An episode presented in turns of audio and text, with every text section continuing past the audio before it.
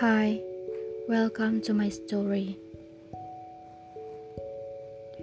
Where were you all these years?